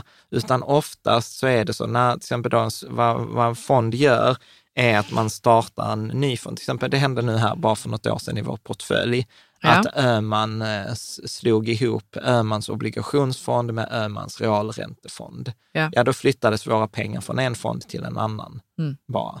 Det är vad som händer. Eh, sen får man ju vara noga med, för ofta har den fonden en annan avgift, en annan förvaltare, en annan placeringshorisont. ja, och det får man väl inte liksom något besked om att nu har detta, eller Bör får man det? få. Man får bör det. få, men Ja, man alltså, får. Om- om- jag om- kan tänka mig att man inte får det. Jo, du får Det det. får Det, man. det är lagstiftning på det. Så att, eh, men då får du ett meddelande på Avanza, till exempel. Denna fonden har slått ihop, eller denna fonden har bytt namn, eller sånt. Det händer ju nu, alla ni som hade eh, den här fonden, guldfonden på ETFS Physical Swiss Gold, Mm. den bytte ju nu namn till Wisdom Tree Physical Swiss Gold. Och då fick vi ju alla ett mail om, eller inte mail, men vi fick ett meddelande om det. Ja. Eh, där. Så att, eh, så, att, nej, men för mig är det så att nej, man behöver inte oroa sig på det sättet. Men för mig är detta liksom helt sjukt. Jag fattade att fonder dör, men jag visste inte att hälften av alla fonder dör med en Nej. 15-årsperiod. Så det är ju lite svårt att ta in på något vis. Ja. Mm. Ja, nej, men ja, nej, för mig är det liksom ja, galet. Ja. För räntefonder var det lite bättre. Då dog bara 43 procent av alla räntefonderna. Jag tror du skulle ändå säga en bättre siffra, men det var nästan lika Ja, dåligt. det är nästan lika dåligt. Mm. Men sen var det också intressant, så tittar de då under den här 14-årsperioden. Om du hade en fond som de föregående fem åren, alltså hade varit en så riktigt högpresterande, den hade liksom de senaste fem åren varit bland de 25 procent bästa fonderna. Är du med? Så vi tittar på ganska stort spann Ja. eh, över en femårsperiod. Så du har, varit, du, har, du har presterat bra de senaste fem åren. Hur stor är då sannolikheten att du kommer fortsätta vara bland de topp 25 i nästa tidsperiod? Vet du hur många som var det? Nej, Gissa. Men, vi säger hälften. ja, 23 procent. Ja. Så att, så att har du varit en av de bästa fonderna de senaste fem åren så är sannolikheten att du ska vara en av de topp 25 procent bästa fonderna nästa tidsperiod är 23 procent. Så 75 procent av alla de bästa fonderna försvinner från den topp 25-listan. Ja. Och detta är också återigen så här, detta är ju inte kul läsning. Eh, Eller så här, jag vet inte, jag Nej, känner men man mig så här, lite jag så- så här, fattar ni inte hur Ja, dåligt men jag detta känner mig lite är? så tom, för jag kan, det är svårt att ta in liksom, vad det egentligen innebär. För jag behöver alltid tänka så, vad innebär det i praktiken och vad be- betyder det för mig? Liksom? Mm, Så, och då kan jag ta in hur jävla kass det är. ja. Här har man gjort så här, vet, my French. Ja, men att denna fonden har varit bland de bästa fonderna. Det, det är Ja. här, och, sen, och sen så statistiskt, det är så här, nej, men det, den kommer inte vara bland de 25 Nej. procent bästa. Så där är det ju nästan, liksom, nästan en högre sannolikhet att välja någon i de andra, då kvartilerna, för den kommer ju Då kommer de kommer kunna öka, gå bättre, ja. kun- kunna Mm. gå bättre. Så om vi fortsätter då, Morningstar, vad skrev de mer då? Morningstar varför, är detta, varför är detta ett problem? Mm. Investors pour money into top-rated funds even if their performance declines. Investors pull money from low-rated funds even if their performances improves. Så att vad, vad folk, vad investerare gör är så att vi lägger våra pengar i fonder som eh, liksom får fem stjärnor eh, och eh, går sämre. Ja. Och vi tar ut pengarna från fonder som har fått låga betyg, men som blir bättre. Återigen så här klassiskt, så här, köp det dyrt, sälj billigt. Jag tror det också har mänskligt tänkande att göra. Men, Ja. men grejen är att man, om man skulle göra detta ordentligt så skulle man ju tittat så, vad köpte jag för? Eller liksom vad... Nej, men så här, Nej, så här- om man ska göra detta ordentligt, så ska Ja, man köpa en fondrobot och, och skita i detta. Skit, alltså man ska inte ens spela detta spelet. Det är detta Men som hur jag funkar det i fondroboten där? Hur väljer de? Liksom? Nej, men det är så här, vi väljer en trestjärnig fond. För vad, vad har den där trestjärniga fonden för ett resultat efter tio år? Tre stjärnor. Tre stjärnor, ja. Ja. ja. Eller hur? Så jag spelar inte detta spelet. Nej, Så tricket här är att sluta spela det här, detta liksom showbusiness. Sluta gå på den här myten. Mm. Det är väl liksom det som är min eh, poäng. Mm. Och, och, och grejen är ju att detta är ju inget, inget nytt, utan detta har man ju liksom visat i studier redan eh, då för ja, men 15 år sedan. Så att Wall Street Journal egentligen bara lyfte detta och gjorde detta mer populärt. Men alltså, forskare har varit medvetna om detta i snart 20 år. Och här måste jag säga så här, de eh, eh, forskarna som har gjort studier på Morningstar, alltså de är sjukt kreativa kring sina namn på sina studier. Så ja, det- men det måste man vara. Det, jag, jag glädjer mig att de är kreativa. Ja, du kan få läsa här, du kan läsa titeln på studien, för den är jättekul. Mm. Kiss of Death. A five star Morningstar Mutual Fund rating? Ja. Frågetecken. Ja, jag tycker det är jättebra. Ska Så att, och, det betyder ju att kiss eh, of death, att får ja, du fem stjärnor så får så du en, det kiss så, of death. så, kan, så kommer du dö. Ja. Ja. Mm. Eh, vill du läsa deras, nu är det ganska, nu blir Vi, det, nu vi blir läser det lite citat. i taget här. Ja. Mm. Eh, så här skriver de i denna studien då. Using a sample of the diversified domestic equity funds from the 1990s, we find that three years after a fund received its initial five-star rating, fund performance severely falls off. Mm. Så vad de säger så här, att de tittade på eh, många olika eh, aktiefonder, equity fund, det är på engelska aktiefond. Mm. Så vi tittade på många olika aktiefonder med, från då slutet av 90-talet, så alltså över, över en tioårsperiod, som vi alltid också tjatar om, man måste titta över en tioårsperiod. Och så hittar vi att när en fond då har fått sin femte stjärna, då börjar den underprestera. Mm. Alltså de skriver ju till och med så här, eh, severely falls off. Så Mm. att det inte bara så den blir lite sämre, den blir severely falls off. Severely, ja. Ja, ska du läsa vidare? This result is robust across different performance measures and different samples of funds. We also find that after receiving their initial five star rating, the risk levels of funds rise and that the funds are not able to load on momentum stocks as well as they did before receiving the five star rating.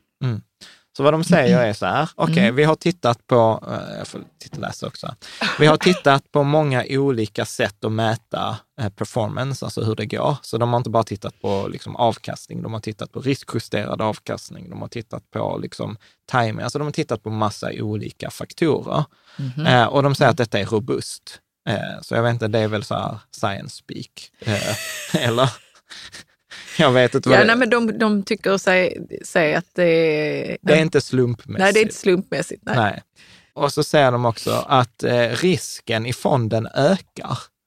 Att när de har fått sina fem, fonder, eh, fem stjärnor så ökar risken i fonden. Det vill man ju inte heller höra. Att när så här, att jag har hittat min lilla fond och så är jag nöjd med den och plötsligt får den fem stjärnor, ja då bara öser det in pengar och plötsligt så blir det en annan fond. Och det, det Ja, är det, ökar risken för att det kommer in mycket mer pengar då? Ja, eller, gud, vänta, ja. jag måste tänka här nu, hur funkar det med risk? Liksom? Ja, men vi kommer, vi kommer, Ja, vi- prata, vi kommer prata det- om det prata, Mm. prata eh, om det. Ja. Eh, och så säger de också att de har mycket svårare, och detta är så här, ju mer pengar du har i en fond, desto svårare blir det att göra det jobbet du gör. Det är därför vissa fonder stänger och vill inte ha in för mycket pengar för att de kan inte göra den typen av affär de gjorde. Så ibland det Nej. som har gjort att en fond blir en femstjärnig fond, blir också det som blir den här kiss of death. För när de blir stora och liksom då förvaltningen börjar tjäna mer pengar så kan de inte köpa bolagen på samma sätt. Nej. Och det, det är till exempel som vi pratade med Andreas Henrik också, de förvaltar 5 000 miljoner. Alltså, du vet, så här, många bolag, liksom så här, de kan inte köpa in sig i ett bolag, för då har de plötsligt köpt upp hela bolaget. Ja, precis. Ja. Med? Så Mm. där, där är vissa, så på det sättet har vi småsparare ibland en fördel gentemot fonder och professionella förvaltare, för att vi kan gå in i aktier som de inte kan gå in i. Mm. Eller vi kan göra då, som momentum som de pratar om här, att försöka liksom tajma mer. Bra, ska du läsa den sista slutsatsen från den studien? Mm. These results suggest that funds to some degree alter their portfolios after receiving a five star rating, and that investors should be very wary, wary about using the five star rating as a signal of future three, three year performance. Mm. Mm. Så de säger egentligen samma sak, att när, eh, när fonden får sin femte eh, stjärna så, för, så förändras eh, deras, liksom fondernas portföljer till en viss grad och att man borde vara very wary. Ja, för gud vad svårt ord det där var. Wary, det är alltså försiktig. Man bör vara Mm. väldigt försiktig. Och det känns ju också så här, alltså jag vet ju hur du, när du skrev din avhandling, alltså man använder inte kraftuttryck med, utan eftertanke i en studie. Eller hur? Så Den när- gången som jag försökte använda ordet bevis, Ja, inte när jag doktorerade utan gjorde mitt examensarbete, då var det liksom, då fick jag så smäll på fingrarna så det liksom Så- har ekat genom mitt huvud sedan dess. ja, så när en forskare skriver så här, man bör vara väldigt eh, wary Mm. att använda ett betyg som en signal för framtida avkastning, då är det så här, det funkar inte. Nej. Kan man säga Mm. så? Ja, så kan man säga. Ja. Mm. Så detta var en studie av Matthew Morey från 2003, finns länkad. Sen finns det en studie av eh, Vanguard eh, som gjordes juni 2010. Och det är ett fondbolag, va? Ja, Mm. precis. Och vad säger de då? Mm. Jo, we also find that a given rating offers little information about expected future relative performance. In fact, our analysis reveals that higher rated funds are no, no more likely to outperform a given benchmark uh, than lower rated funds, and that the value of indexing stems in larger part from low operating costs and a zero sum game. Mm. Mm. Det är också så här, Mm. det är ju inte direkt som att det är så här, nej, ibland kan eh, liksom högre betyg ge bättre avkastning, utan de skriver så här, we find that a given rating offers little, alltså ger ingen information om framtiden. Och de säger att in fact, vår analys visar att eh, högre, alltså fonder med fler stjärnor är inte mer eh, sannolika att eh, gå bättre än något annat benchmark än fonder som har ett lägre betyg. Mm. Bra, ska vi ta nästa? Här måste du läsa rubriken. Här kommer en ny sån här Ja, men du studie tycker från, att de har eh, från 20 kreativa rubriker, eller Ja, vad ska man Vanguard- säga? Vanguard- Titlar på sina studier. De Ja, Va-. Vanguard är tråkiga, för den var så här, mutual fund ratings and future performance. ja, som det- inte det- säger någonting Det så, faktiskt. det är så som jag hade döpt det, liksom så här jo, ingenjör. men tänk dig ändå att man måste som, när man har gjort en studie vill man ju att den ska liksom, titeln, ska, sticka- titeln måste reflektera det man har liksom, Ja, jo, eh, gjort i Ja, studien. då, då Okej, det säga står så här, nästa studie. titel. Star Power, the effect of Morningstar ratings on mutual fund flow. Ja. Star Power alltså. Ja, det, det är så här kreativt, så star power. Ja, fortsätt, läs vad, vad de har skrivit. Sätta mig. Så, Yeah, in the mutual fund marketplace, where consumers face thousands of choices and often lack the financial expertise to assess product quality, Morningstar, with its one to five star fund rating, is the undisputed market leader among retail investors. Morningstar's uh, star ratings are arguably the primary input to many investors' decision. Så att eh, då, sk- då skriver de ju liksom så här att precis det vi pratar om, när, när man har gjort undersökningar så säger Morningstar så här, nej man ska inte använda vårt verktyg, vårt betyg, det är bara en, hur det har gått tidigare, man ska inte använda det för framtida, liksom, eh, förutsägelse. Mm. Men det är ingen som använder det på det sättet och det har liksom de här studierna eh, liksom visat. Utan att många och att Morningstar är liksom det sättet som de flesta småspar, retail investors, använder det. Och det är som vi visade innan, alltså det är det första du ser på Nordnet. Du ser det direkt på Avanza, du ser det liksom i vilken, eh, går du in på en bank och tar fram en fondlista så står det alltid antal Morningstar-stjärnor. Alltså det är som fixering vid de här stjärnorna. Och eh, här sen var det liksom samma, jag vet inte om det var samma källa, men Financial Times eh, skrev då att de här Morningstar-stjärnorna, att man har liksom försökt i studier isolera hur mycket upphov ger de här stjärnorna i flöden. Pengaflöden, Ja, hur ja. pengaflöden, Alltså hur mycket hur det rör sig. Ja, Ja. Hur mycket styrs? Hur mycket styrs Ja. av stjärnorna? Och då har Mm. de liksom kunnat se så här, när får stjärnorna ändras varje månad? Så att då kan man ju se vad som händer. Och eh, då, då, då kom man fram till, då tror jag det var för något år sedan, att Morningstar med sina stjärnor styr över ett flöde, ett flöde på över 5 000 miljarder svenska kronor. Alltså fatta hur mycket pengar det är. Alltså 553 miljarder US-dollar, så det är 5 000 miljarder kronor. Mm. Och det, då har man ju också i den här till den studien som hon Diane eh, gjorde, då visar hon att eh, en fond som, eh, en fond som får en, två eh, stjärnor, de blir av med pengar. En trestjärnig fond behåller pengarna, lite minus. Och en fyrstjärnig fond får inflöde och en femstjärnig fond får sju gånger större kapital, alltså sju gånger större inflöde än en fyrstjärnig fond. Mm. Ja, men det låter mycket, men eh, kan vi bara sätta den siffran 5 000 miljarder kronor i någon slags perspektiv? Ja, Men, Finns, alltså, är det mycket pengar men, men, men, om man tittar på det hela? ja, men säg så här. Säg så här. Så det är svårt att, svårt att jämföra det på vad man jämför med. Men tänk så här, du har 100 miljoner eh, i, i en fond. Mm. Du får en femte stjärna och du får 700 miljoner till. Mm. Det, En- det kan jag fatta, då, är, då blir det liksom, alltså då händer fall- det saker ju, Ja, i och- den fonden. Ju. Ja, och, och det är liksom, tar du en procent på, på avgiften så plötsligt tjänar du sjukt mycket mer pengar. Men det får ju också så här, plötsligt ska du förvalta 700 miljoner. Mm. Och det är något helt annat att förvalta 700 miljoner än förvalta en eh, 100 miljoner. Eller förvalta 7 miljarder. Blir det svårare liksom att... Ja, det var ju det den andra studien pekar på, att risken ökar, performance falls off a cliff och, och liksom eh, Mm. kiss of death. Mm. Så, att, så att man behöver fatta att det är inte som att får du fem stjärnor, den femte stjärnan, för då dyker du ju överst. Du hamnar i portföljgenereraren på Avanza. Alla finansiella rådgivare, du, du vet vi som tittar i tidningen, så blir det så att, titta men jag vill ha den där eh, fonden, den har ju fem stjärnor. Så det blir så oproportionerligt mycket mer pengar som styrs där. Som en reklam är det ju. Ja, Ja. Ex exakt. Mm. Exakt, vi kommer att prata om det. Men det är ja. reklam, det är inget annat. Nej, nej men jag, jag fattar. Men eh, vad var det jag tänkte? Vad tänkte jag för någonting? Ah, du snackar ibland så man tappar. Jaså? Nej, Vi tar det sen, det kommer säkert. nej, men att, det var, att det var mycket pengar och hur mycket det är i relation. Nej, men så ja, här, det, mycket peng- det är i relation till resten av, av, av Jag tror- pengarna där ute. tror att- Eller eh, s- vad säger de, retail investors är ju småsparare väl? Eller? Ja, jag Mm. tror att i Sverige, jag tror att 2013, om jag inte minns fel, eller 2011, så gjorde ju WWF, eh, Världsnaturfonden, den här undersökningen hur mycket vi svenskar hade sparat. Och Mm. då tror jag att vi hade sparat 4 000 miljarder. Ja, och totalt. allt är ju inte investerat heller. Jo, men det var 4 000 miljarder som, Som var, investerat. investerat i börsen. Kommer du ihåg? För de hade ju den här börsen, bilen, eh, jag vet inte, det var massa ben. Eh, boskapen. Nej, jag vet inte. Men om det, ja, när vi tittade på miljöpåverkan, Mm. och då tror jag att de kom fram till att det var 4 000 miljarder. Så Mm. att det är ju sjukt Det är mycket som pengar. alla svenskarnas sparpengar då. Ja, Men ja. Det, ja.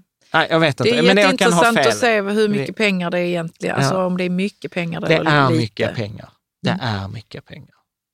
Ja. Ja. Men nu har jag lärt mig här i Factfulness av Hans Rosling att man alltid måste sätta en siffra i relation till något annat för att annars så kan, kan det, man bli Ja. lurad. Liksom. Ja. Mm. Ja, vi får prata, jag har faktiskt inte läst Nej, den Factfulness. kan jag verkligen rekommendera. Ja. Sidospår här nu. Läs den, bli glad. det är så. ja. Läs det, bli glad. Så ska vi ta replik från Morningstar? Vad säger Morningstar? de har väl suttit och svettats ihop någonting, Ja. kan man tänka sig. We recognize and have often acknowledged the limitations of a measure like the star rating that's based on past performance. But we also believe it can be usefully tilt it can usefully tilt the odds in investors' favor when combined with other research and tools. I will point out eh, Jag vet inte the- vilka, vilka, vilka ja, vi, kan, vi kan stannar där. Vi Ja, stannar så, där. Så, ja, Mm. så då säger de också så här, ja vi har ofta erkänt att det är begränsningar i det här, Mm. att man bara ska använda det liksom tillsammans med annan research, andra verktyg. Återigen, inte så folk eh, använder och så säger så här, det tiltar åt sen. Ja, de har ju inte fel i sak. 10 Det har de inte, procent, nej. 10 procent är mindre än 14 procent.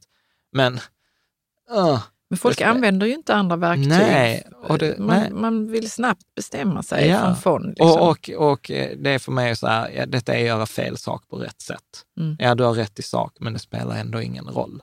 Nej. Liksom. Eh, liksom att säga, nej men vet du vad, jag käkar gröna shakar till middag. Ja, men du käkar två liter glass till, till innan du går och lägger dig. Så skit i att dricka den där gröna smoothien och halvera att du käkar din glasskonsumtion. Så- det så- kommer ha mer påverkan. Hur vi nu kom in på glasskonsumtion. Eh, Kan ha något med verkligheten och mitt liv att göra. Okej. ja. Ska vi ta nästa?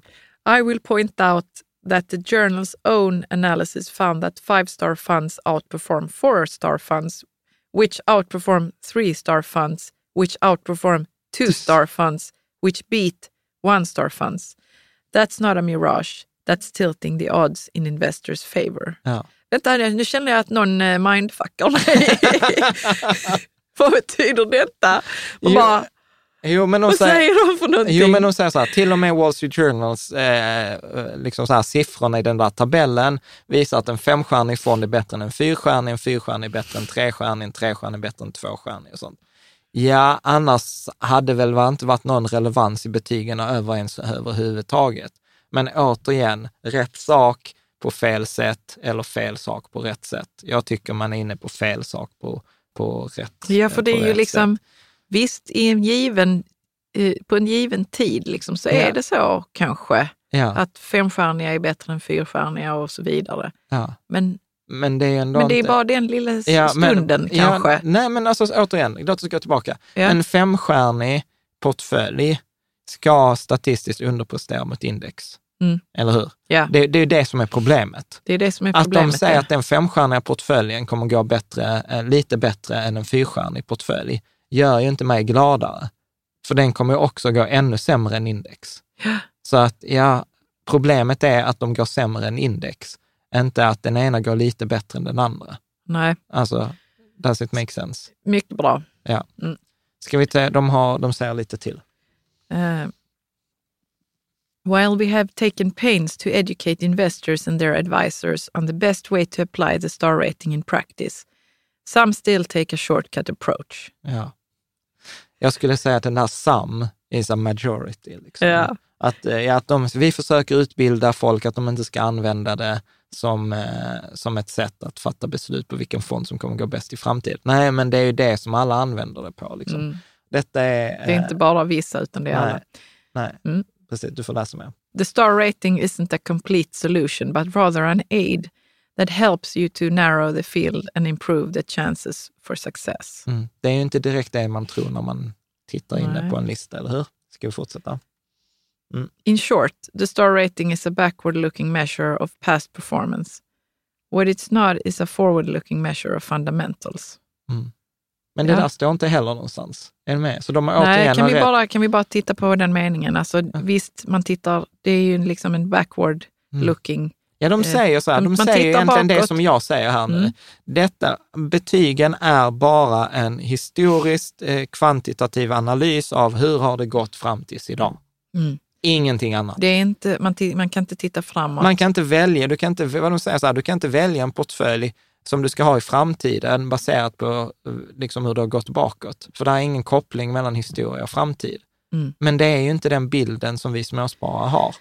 Nej, men jag tycker också det är svårt när de använder sådana ord som fundamentals. Ja, För Ja. nu har jag precis lärt mig så fundamental analys, vad det är för någonting ja, på företag och och så. ja, men det är samma sak. Ja, Att man tittar men- på men den- avgifter. Men man, alltså, vi, de flesta vet inte vad det är Nej. för något fundamentals är för Nej. någonting. Jag visste inte det fram tills igår. nej, Liksom. nej. Så, Så fundamentals det är alltså fundamentala här. faktorer? Ja, men vad jag vill säga är att det är svårt ibland att fatta de här finansiella lingot. Liksom. ja, ja. Jo, Eller det är är jättesvårt alltid Ja, men det är för därför- mig. Precis. Men det är också därför jag ibland, i så här, jag vet inte, där får ni läsare, följare, tittare ge feedback, men varför jag hellre gör att vi läser originalmeningen Mm. och sen diskuterar vi den. För då tänker jag att då lär man sig lingot också, som en, som en effekt. ja. Förhoppningsvis. Ja. Jag, jag tror det också. Ja. Mm. Eh, Okej, Och sen så kan vi sen har du sista- skrivit något på svenska Ja, här för det är det är svenska Morningstar då, som har som säger Ja. rådgivare som använder fondbetyg som enda argument är därför uppenbart vilseledande och borde stoppas av Finansinspektionen. Ja. Ja, det, detta reagerar du... Så jävla arrogant. Va? Men det är det ju.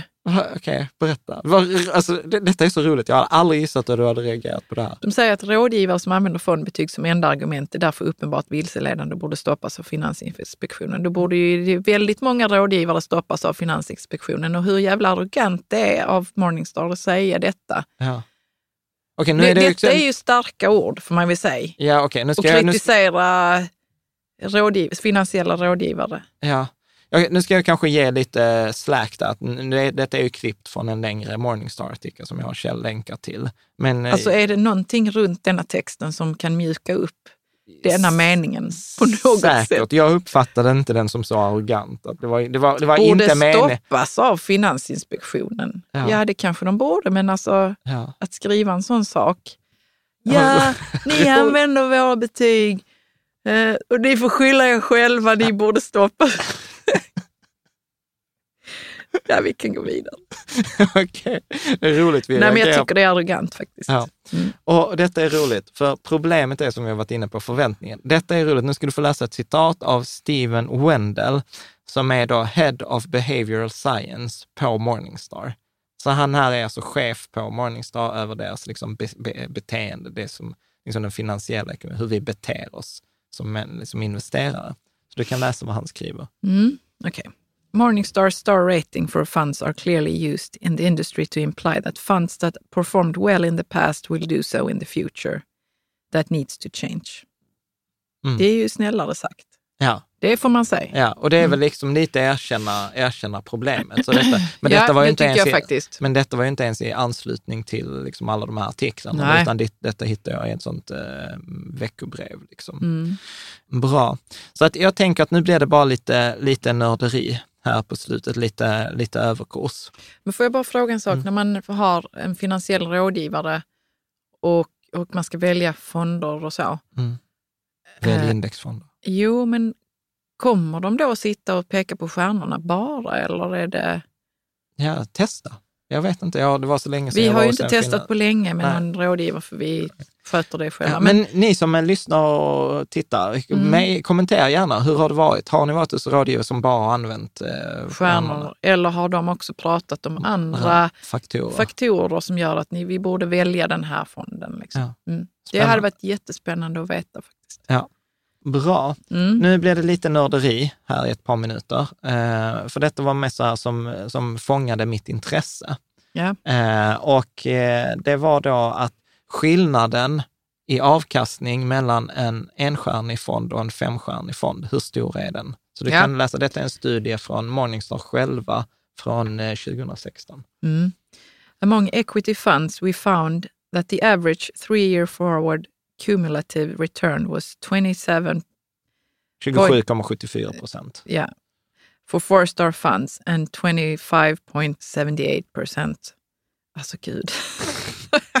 Jag kan ta... For Jag, one-star funds annualized outperformance of Mm, 0.64 percentage point. Okej, okej. nu får du översätta. Jo, så då är det så att bland aktiefonder, så över en genomsnittlig treårsperiod, så var den totala avkastningen över hela treårsperioden för en femstjärnig eh, fond 27,7 procent och för en enstjärnig fond var den 25,7 procent. Så skillnaden mellan en enstjärnig och en femstjärnig fond är 0,64 procent per år. Lång paus. Vad är du? inte så, det Det är inte så stor skillnad. liten skillnad. Det är en otroligt liten skillnad. Sen ska man också säga, alltså ja, 0,64 procent, vi ratar ju fonder på 0,64 procent i avgift högre än en annan. Men, men, Ja, men, men det det är ju inte det som man, eh, det är ju inte det som man spontant tror att skillnaden mellan en enstjärnig och femstjärnig fond i aktiefond Nej, är 0,6 detta är ju superviktigt. Ja. eh, hur stor är skillnaden? Ja, och tittar vi på en räntefond, så över en treårsperiod så var det 13,7 procent för en femstjärnig fond, 12,6 procent för en enstjärnig fond, det vill säga en skillnad på 0,35 procent per år. Mm. Alltså så här, är extremt eh, lite. Så att jag kommer också lägga ut den här tabellen som de gjorde, så vad, vad är skillnaden då på liksom olika tidsperioder mellan en enstjärnig och en femstjärnig fond? Och det, är- alltså det är väldigt lite. Mm. Alltså på en femårsperiod eh, så var skillnaden då till exempel i, i en aktiefond 33,8 eller 33,9 procent totalt över en treårsperiod för en enstjärnig fond och 35,2. Eh, alltså det är typ 1,5 procents skillnad. Så, Ja. att, eh, så att det är väldigt, väldigt lite. Jag, jag, jag blev förvånad. Jag blev förvånad, för detta hade jag inte gissat eh, innan. Nej, Det är väldigt mycket chock i detta avsnittet. Eller hur? Ja. Tänk hur mycket som man kan ha. Och en annan också så här lite chock. Eh, detta är ju eh, en, en artikel som, eh, som är skriven, detta, detta, du kan läsa den, eh, Mm. av eh, Russell Kinnell, tror jag han har Mm, skrivit. den. 2016 här. Mm. Eh, the expense ratio is the most proven predicator, predictor Aha. of future fund returns. We find that it's, uh, it's a dependable predictor when we run the data. That's also what academics, fund companies, and of course Jack Bogle find when they run the data. Mm. Mm. Detta är jättespännande. Så vad han skriver här är att den starkaste faktorn eller den starkaste indikatorn för framtida avkastning är avgiften. Varför i helvete har ni ett stjärnsystem när den viktigaste faktorn som är, är, är avgiften? För vet du vem Russell Kinnell är? Det är Morningstars hur ska egen... jag kunna veta? Russell Kinnell är Morningstars egen chefsforskare. Så han skriver själv, Morningstars själva skriver att the most proven predictor of future fund returns är avgiften. Och de skriver så här, våra stjärnor är bara ett betyg för historisk avkastning och ska inte användas för framtida. Men ni sitter på svaret, men ni ger oss inte det. Padadadam, pam, pam. Alltså, Du vet så här, ja, vad tänker du? Ja, jag vet, det var liksom, det blev lite tomt nu. Jag tänker så, alltså, vad är det som gör att Russell Kinnell inte liksom, vad har han, vad, vad, vad publicerades detta? i, i ett av Morningstars månadsbrev. Och de skriver så här, och detta, alltså detta är så fantastiskt, att eh, liksom så här, detta är också vad akademiker, fondbolag och såklart Jack Bogle som är grundaren till Vanguard, den som introducerade indexfonder på 80-talet, den som fått skit av alla för indexfonder, har kommit fram till. Så då är det så här, skönt att ni också kom fram till samma sak som alla andra. Man blir lite, man vill lite kräkas i munnen, eller hur?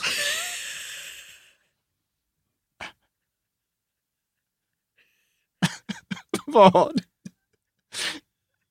Du bara skrattar åt mig. Jag- alltså vi borde nästan be om ursäkt till våra lyssnare som har liksom pallat så här långt. ja, vi ber om ursäkt. Detta var ju liksom, jag vet inte, det var, jag förstår inte hur Russell Kinnell liksom inte kan komma fram med detta tidigare. Chefsforskaren, han står där vid sin dator och Ja. verkar inte bry sig om att, att eh, detta är Relevant. relevant. Ja. Det är därför jag skrattar. För jag vet inte vad jag ska göra av den här känslan av liksom... Jag kan inte sätta ord på känslan ens. Liksom. Nej. Nej, Nej, vi- du, jag får återkomma. ja, du som lyssnar får gärna skriva vad du känner och tycker. Mm. Ja, och, han, och han presenterar ju naturligtvis liksom så här bra... Liksom, Men hur kan... hur Jo, nu.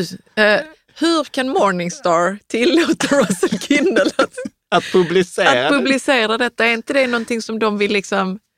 ja. inte ska komma fram då egentligen? Ja, nu så ska, jag, ska de faktiskt göra så att i slutet av detta året så ska de faktiskt göra om sina stjärnor och avgiften ska få en större vikt. Ja, det, ja, jag ger Men- inte mycket för det. Ja. Den, Men det är roligt för de har publicerat Eh, liksom massa forskning. Man, de har publicerat den här forskningen här också, som en graf, jag kommer lägga den på bloggen också, som visar då eh, su- success raten. Alltså de visar att avgiften är viktigare än faktorn. Alltså de ställer sig frågan, hur eh, många, om vi delar upp alla fonderna efter avgift i, i fem, stycken kvart, eh, fem stycken delar, hur många av eh, fonderna i respektive del överpresterar mot de andra kategorierna. Och då har man ju liksom, ju lägre avgift, desto högre överprestation i alla. Det spelar ingen roll om du tittar på räntefonder, amerikanska aktier, branschfonder, liksom olika typer av räntor. Överallt så hänger liksom det ihop. det kommer ju Billig så mycket frågor här. Hur kan det komma sig? Ja. Nej, men hur det kommer sig, det, det, det kommer vi till också. Detta är ett långt avsnitt. Mm, Härligt. Så att eh, du kan få läsa här. Morningstar anpassar sig har du Ja. skrivit här i rubriken. Ja. Så detta hittar jag i Wall Street Journal eh, 2019. 06 eh, i 28. somras, Mm. skrev Wall Street Journal detta. The Chi- eh, Chicago research firm is asking its analysis to focus more on the cost to investors when rating all types of investment funds. Morningstar said in a client note Friday. Ja. It is also... ah, shit vad konstigt Nej, men jag kan läsa. Alltså, det- det- det- för nu det- det kände jag att jag blev lite trött. Ja.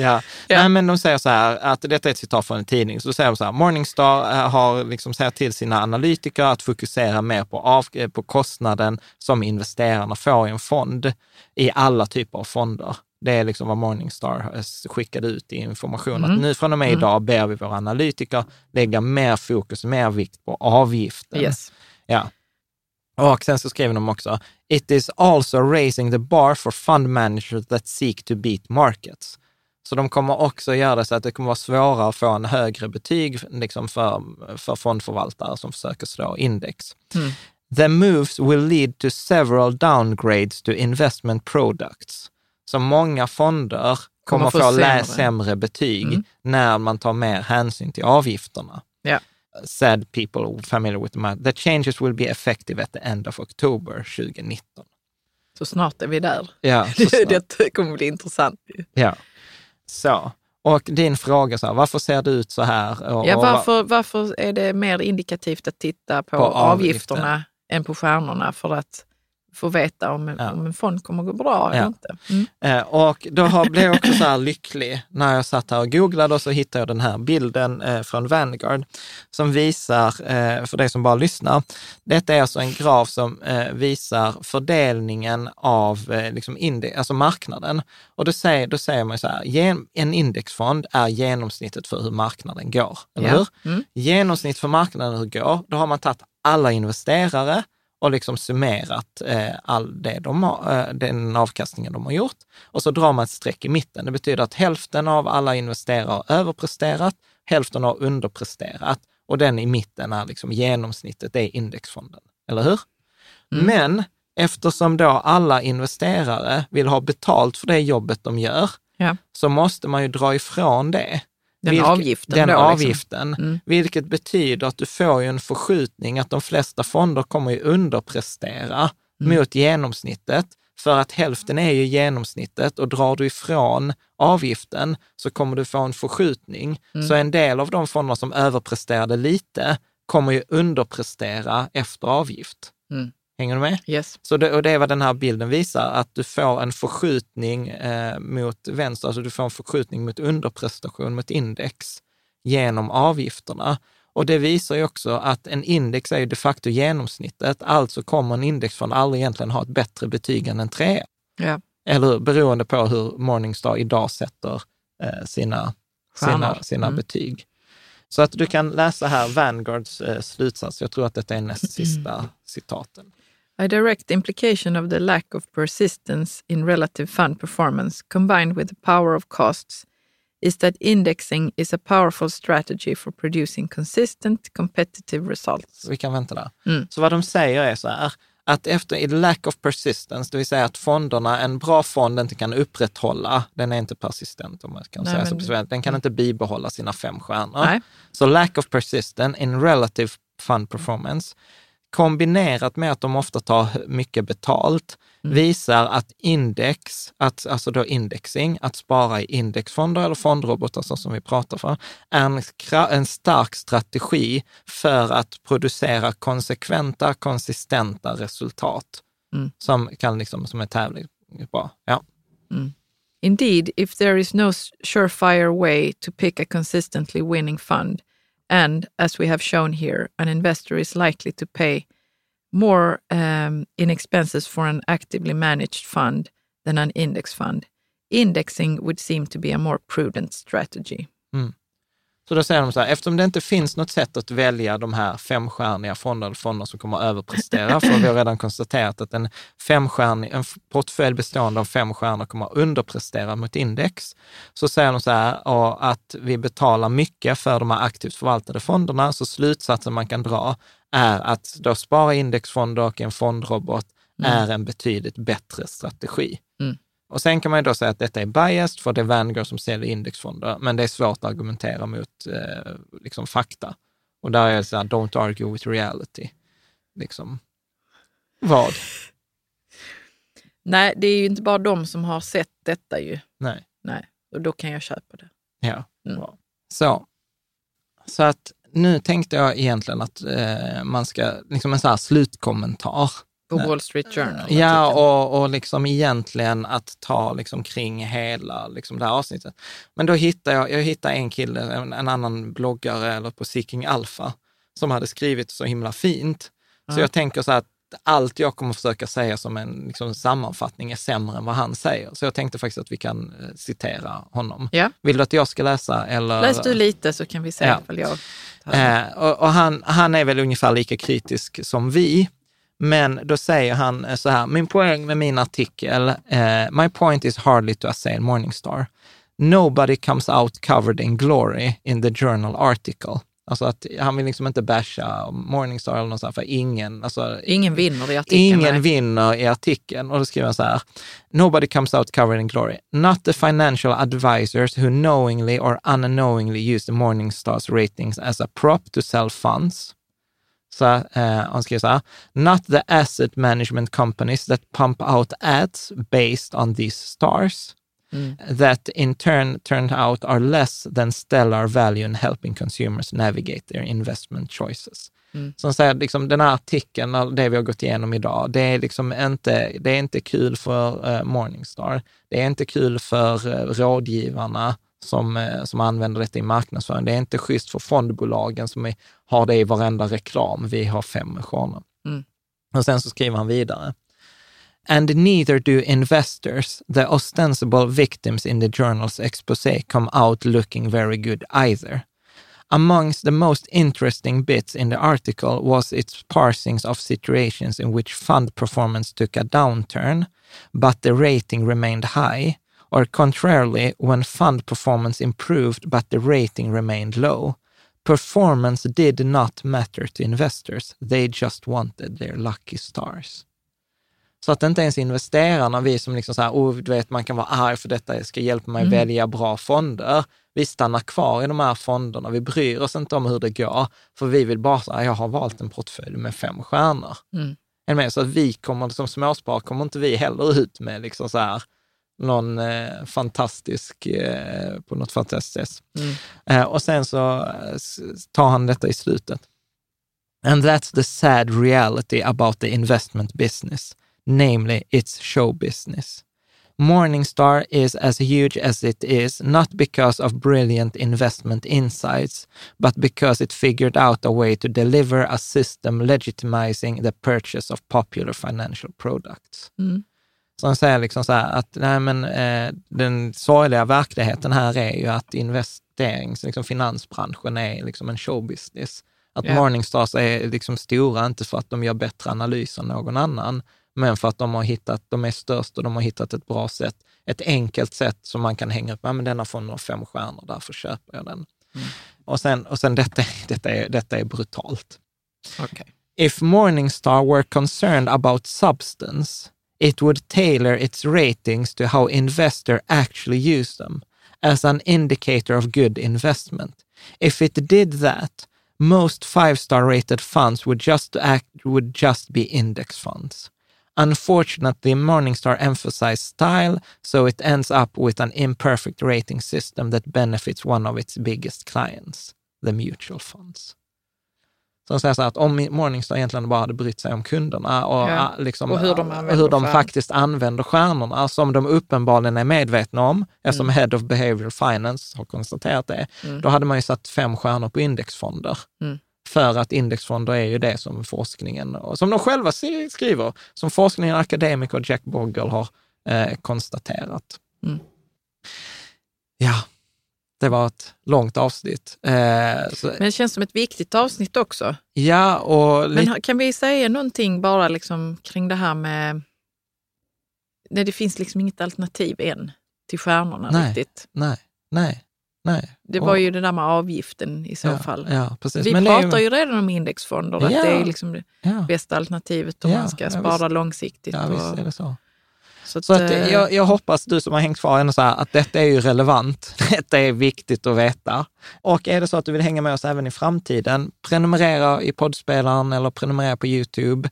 Eh, nyhetsbrevet också naturligtvis, rikatillsammans.se nyhetsbrev. Då får du dessutom välkomst, de fyra välkomstbreven med Mm. liksom våra russinen ur kakan, liksom de här Mm. tio årens eh, bästa artiklar. För det, det är så här, vi har gjort sådana här artiklar förr, men då kanske det var avsnitt 37. Ja, och och då då- hade vi kanske inte samma Nej, kraft bakom på något Nej, vis. precis. Mm. Sociala medier kan man följa oss, kan man mest Facebook. Och sen måste vi säga ändå så här, tack till våra patrons som gör detta möjligt. Alltså våra patrons, det är ju du som är med som stödjer oss, som har valt att varje månad eh, liksom ge oss en liten slant till då, som vi brukar kalla för fika. Liksom.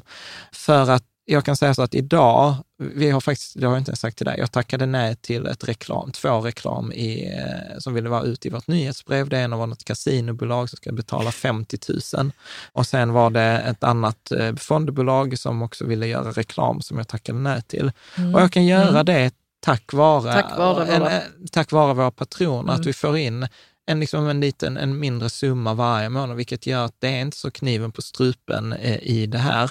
Och att vi kan lägga liksom den här tiden på den här researchen som till Mm. det här avsnittet. Så att liksom, eh, det är 300, vi har passerat 300 eh, patrons. Ja, vad Så roligt. Så det är Jättekul. Ja, sjukt stort tack till er. Det är ju som en liten community på Patreon nu. Ja, det är Mm. ju verkligen det och vi försöker ge extra material. Vi, nu har vi haft lite roliga sådana här, eh, vad ska man säga, rusher. Vi har testat lite olika grejer eh, tillsammans. Vi har haft digitala fika tillsammans, möten. Vi har ställt frågor till gäster. Vi har haft, Mm. många av gästerna som kommer här är ofta med sen på en livepodd där man kan ställa frågor till dem direkt. Mm. Och de har till och med fått perks att eh, det var en som sa så här, Nej, men, eh, skicka ett mejl till vår kundservice, skriv att du har pratat med mig som är vd, så kan du liksom få hjälp med de här grejerna som vi inte går ut till alla våra vanliga kunder med och sånt. Så att eh, man får lite specialgrejer. För, för Ja. mig känns det mycket bättre än att säga så här, åh tack för att jag bidrar, utan jag vill kunna ge någonting tillbaka. Absolut. Så att eh, man väljer själv hur mycket man vill sponsra och hur länge. Det finns liksom inga strings attached på det sättet. Eh, de flesta skänker mellan 5 och 7 dollar. Eh, så Per att, månad då? Ja, och sen är det vissa som till exempel, det var en student som mejlade mig och sa, jag tycker det ni gör skitbra, men jag har inga pengar, så jag sponsrar på en dollar i, i månaden. Och jag var så här, gud tack. Liksom. Ja, man Eh, gör det på den nivån som man som kan man och själv vill. vill. Liksom. Så man kan läsa mer patreon.com snedstreck eh, rika tillsammans. Så ett, stort, stort hjärtligt Mm, verkligen tack. tack. Eh, vi har redan varit inne på det. Nästa vecka avsnitt eh, 124. Ja. Då kommer vi att prata om precis motsatsen Till indexfonder. till indexfonder. Vi kommer att prata om aktiv förvaltning, vi kommer att prata om hur man bygger ihop sin egen finansiella strategi.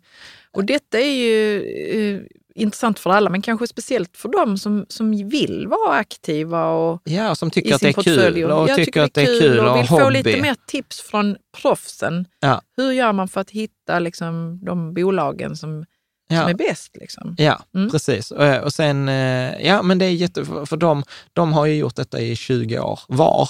Och gör Ja. detta på riktigt Henrik varje dag. Andreas från Coeli. Ja.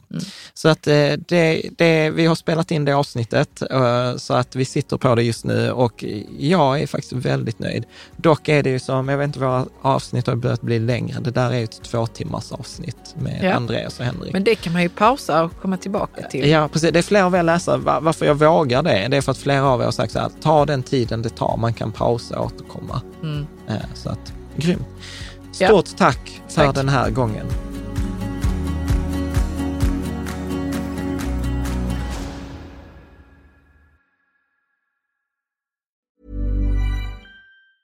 Hey, it's Paige DeSorbo from Giggly Squad. High quality fashion without the price tag. Say hello to Quince. I'm snagging high-end essentials like cozy cashmere sweaters, sleek leather jackets, fine jewelry, and so much more. With Quince being 50 to 80% less than similar brands. And they partner with factories that prioritize safe, ethical, and responsible manufacturing. I love that. Luxury quality within reach. Go to quince.com slash style to get free shipping and 365 day returns on your next order. Quince.com slash style.